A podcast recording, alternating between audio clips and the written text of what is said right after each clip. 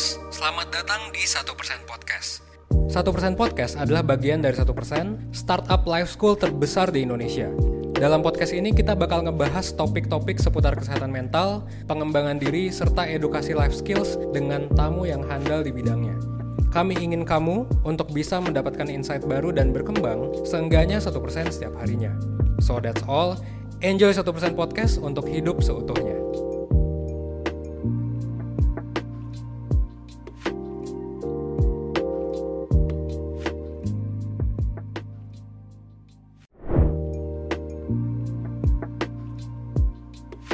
Simple sih yang IQ-nya tinggi kalau menurut gue, gue masih percaya itu ya.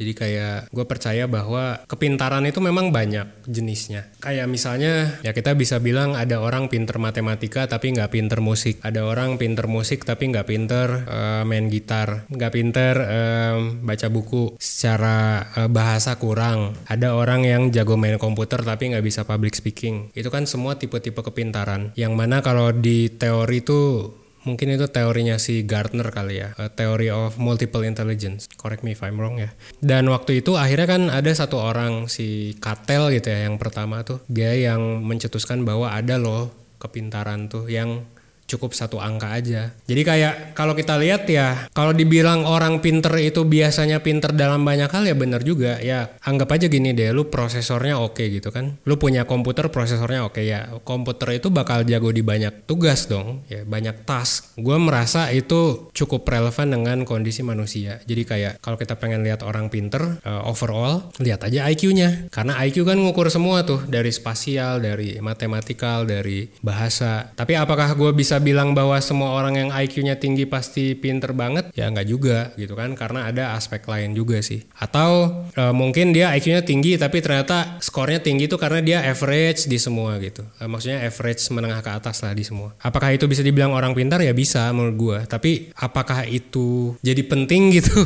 buat hidup gitu? Ya mungkin nggak juga ya gitu. Jadi kayak di sini kita cuma ngomongin definisi pinter aja.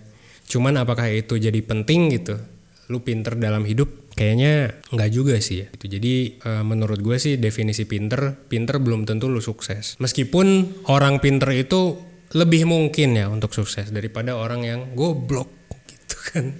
Kalau orang goblok kan ya mungkin dia nggak bisa ya misalnya mau mau ngomong sesuatu aja susah gitu kan kalau orang orang yang bodoh atau goblok gitu.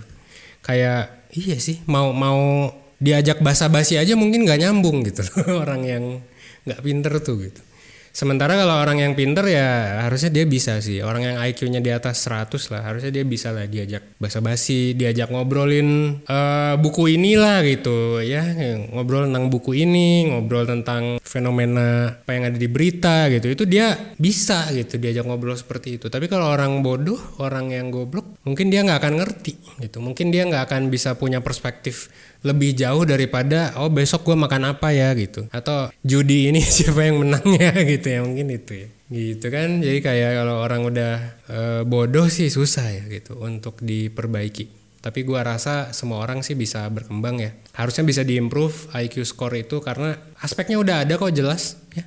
Wawasan matematika bahasa tinggal belajar aja. Ya sih menurut gue orang pinter tuh orang yang IQ-nya tinggi. Jadi apakah IQ tinggi bisa di-achieve oleh semua orang? Bisa.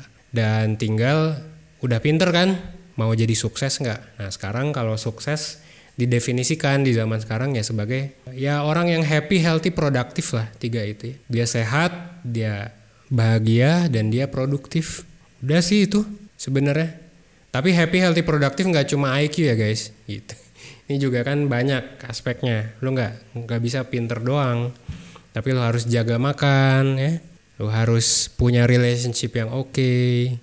Lo juga mungkin jangan ada di kantor yang toksik misalnya gitu itu aspek-aspek yang mungkin harusnya di luar dari kepintaran dari IQ tapi kalau ditanya orang pintar apa yang IQ-nya tinggi jelas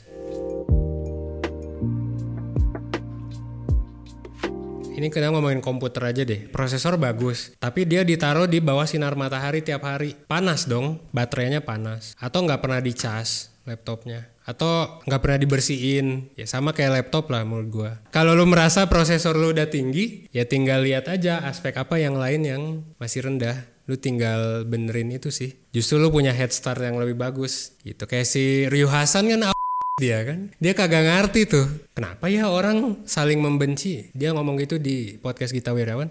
Kenapa ya orang saling benci tapi bisa kerjasama gitu? Jadi dia di kantor ngelihat orang yang ngegosipin satu sama lain tapi kerja bareng tuh aneh. Bisa dibilang ya mungkin dia punya kekurangan lah dokter Yohasan itu ya.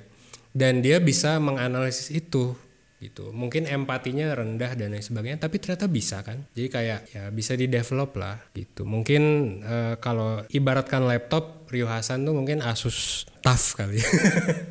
Terus i9 gitu misalnya Intel i9 tapi nggak dibersihin.